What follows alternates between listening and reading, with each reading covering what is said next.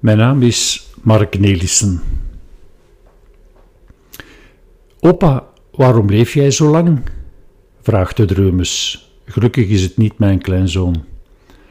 Uh, mag ik dan niet nog wat hier blijven? reageert grootvader geschrokken. Maar jij hebt geen kindjes, analyseert de ukkepuk verder. Jij hoeft niet voor ze te zorgen en jij gaat niet werken en jij maakt nooit eten klaar.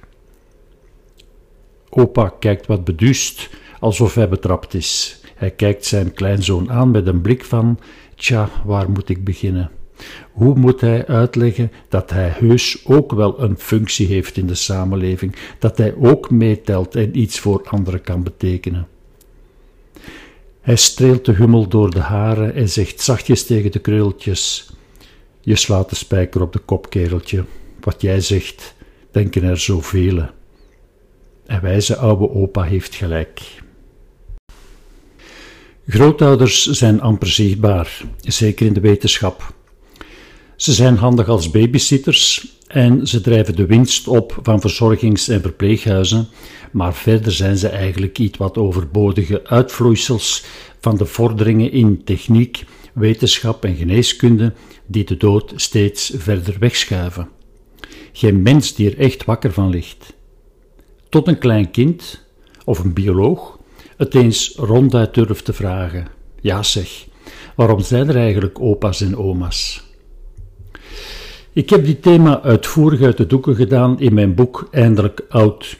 Daarin wordt uitgelegd hoe de ouderdom zijn intrede deed bij de mens, ergens in de loop van onze evolutie, wat het belang was en is van de derde leeftijd voor onze samenleving en hoe die kennis de senior een hart onder de riem kan steken.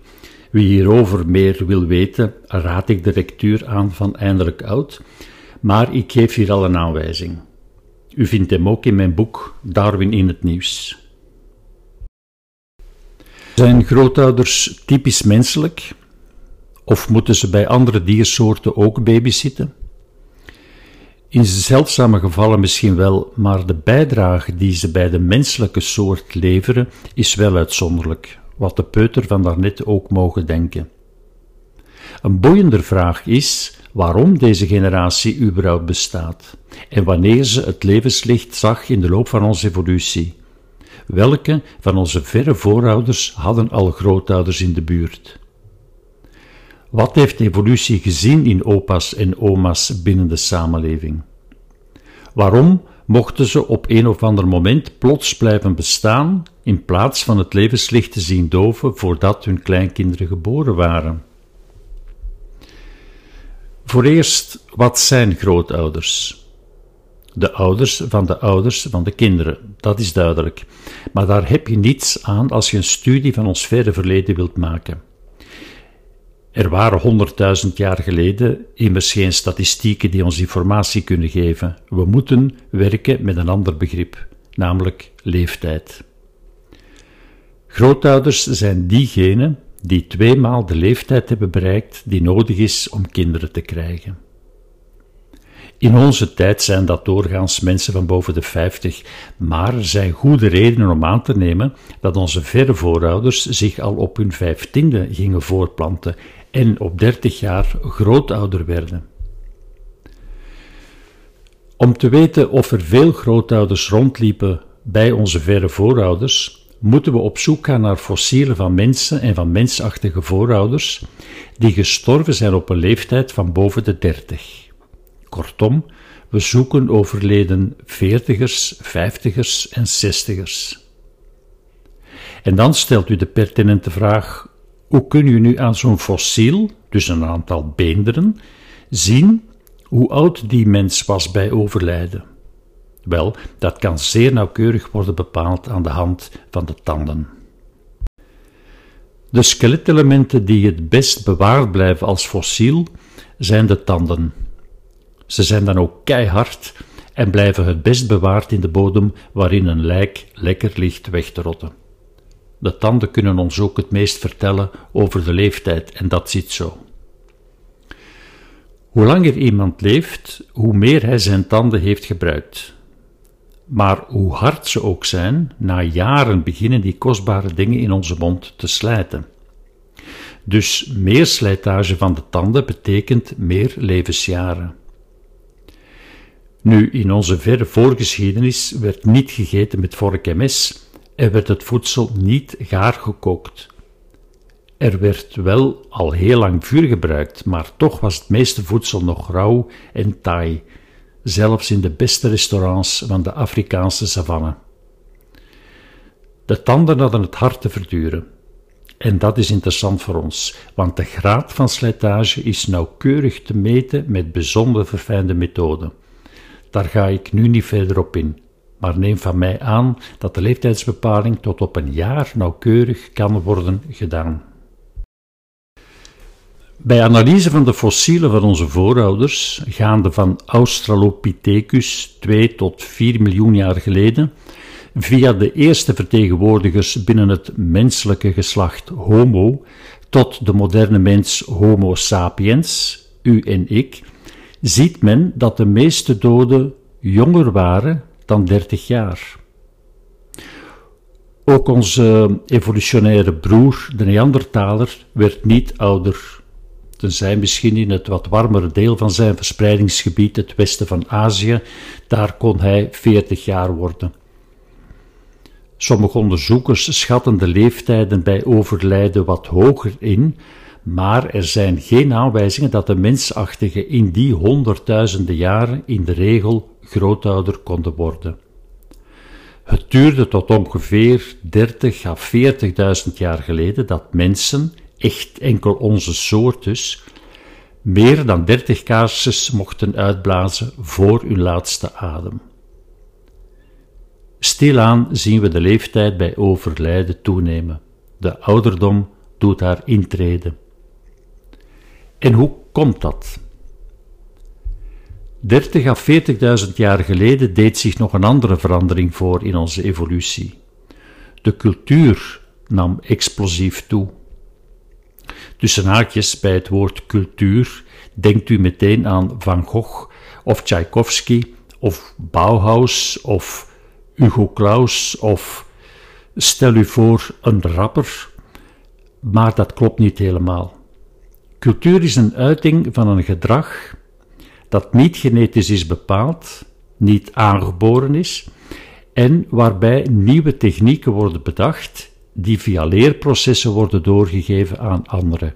Cultuur bestaat uit aangeleerde vaardigheden en artefacten. In de tijden voor deze plotse ontwikkeling maakten onze voorouders als stenen werktuigen, als cultuur.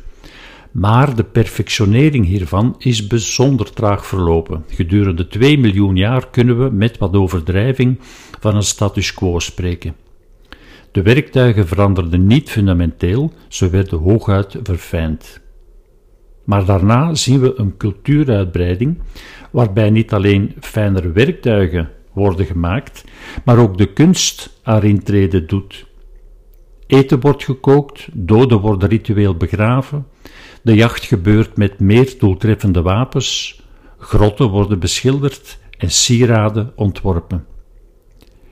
Er wordt muziek gemaakt, dat weten we omdat er fluitjes uit die periode zijn gevonden. Uit metingen van schedels weten we ook dat mannen minder testosteron begonnen aan te maken. Dat geeft bijvoorbeeld minder uitgesproken wenkbrauwbogen in het gezicht, maar ook minder agressie, meer samenwerking. Sommigen denken dat door deze grondige veranderingen het leven gemakkelijker werd, waardoor mensen langer konden blijven leven. Ik geloof daar niet veel van. Er is een logische verklaring voor het ouder worden van onze voorouders, namelijk mutaties, veranderingen in de genen, in de DNA. We weten dat mensen die vandaag erg lang leven, honderdjarigen zeg maar, een genetische basis hebben voor hun lange levensduur. Mensen met bepaalde genen hebben een hogere leeftijd dan anderen. Laten we die genen lang leven genen noemen. Dat is misschien geen mooi Nederlands, maar ik heb het woord al in mijn boeken gebruikt. dus doe ik het nu ook.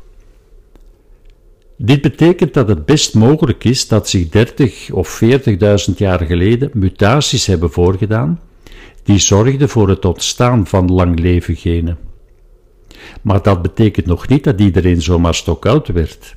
Genetische veranderingen, mutaties dus, worden door natuurlijke selectie meestal weggewerkt, gewiet. Tenzij ze toevallig voordelen bieden in de omgeving waarin het organisme leeft, in dit geval de mens. Dus moeten we op zoek naar de voordelen en de nadelen van een hoge leeftijd.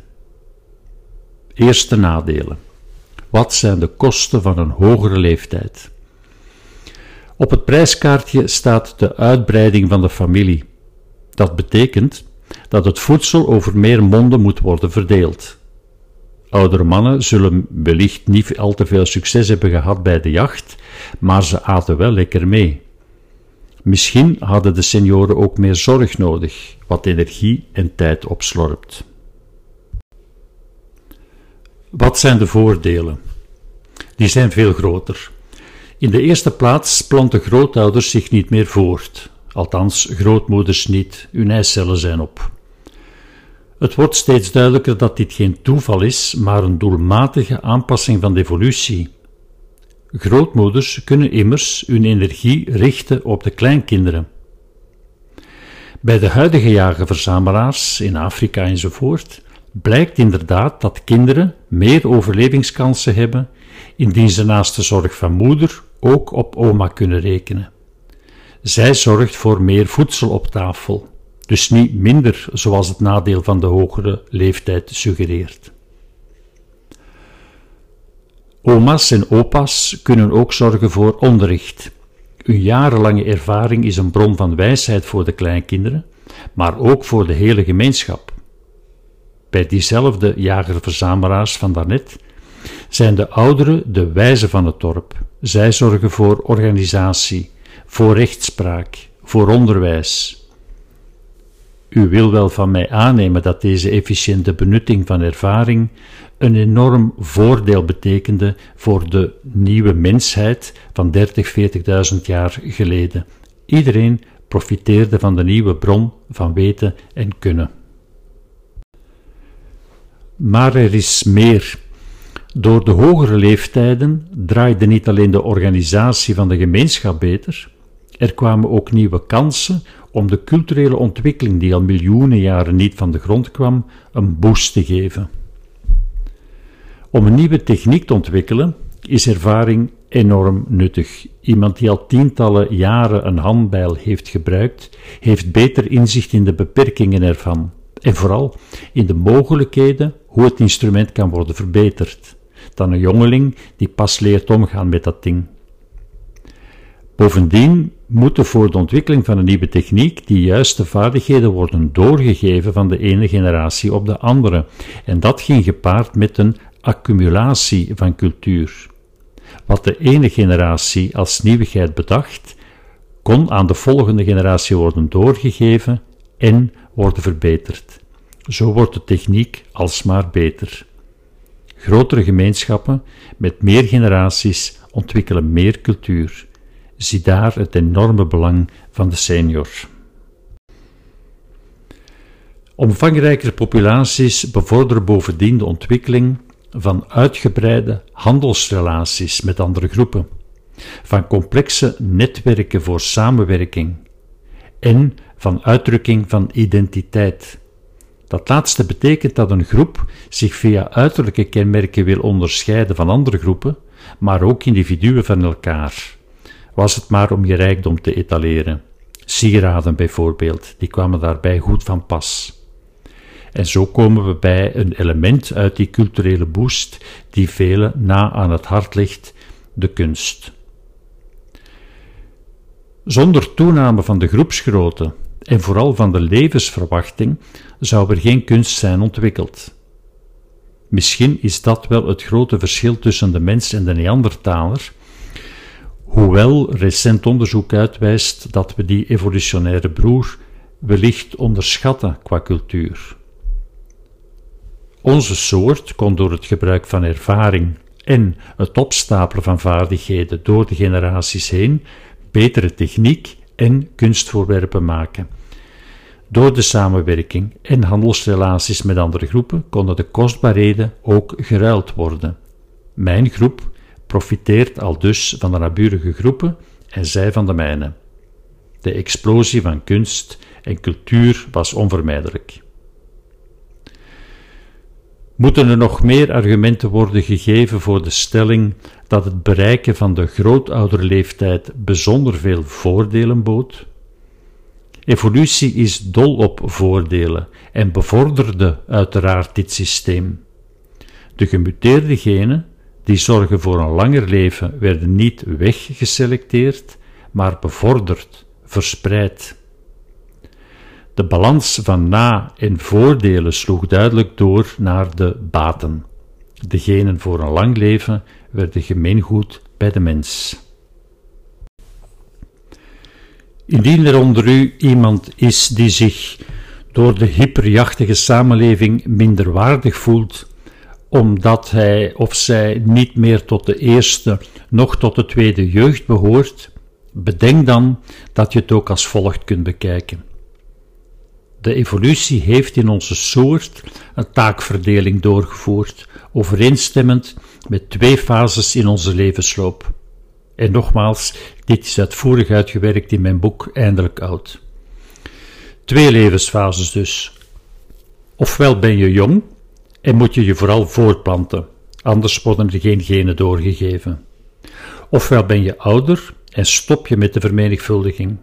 Je verlegt de activiteit van de voortplantingsorganen tussen je benen of in je buik naar het hoofd, naar het brein in het hoofd, en je stelt dat ten dienste van de gemeenschap. Valt het niet op dat wanneer we de middelbare leeftijd bereiken, zowat alle lichaamsdelen en lichaamsfuncties beginnen te haperen, te kraken en te piepen en tegen te werken, behalve het brein?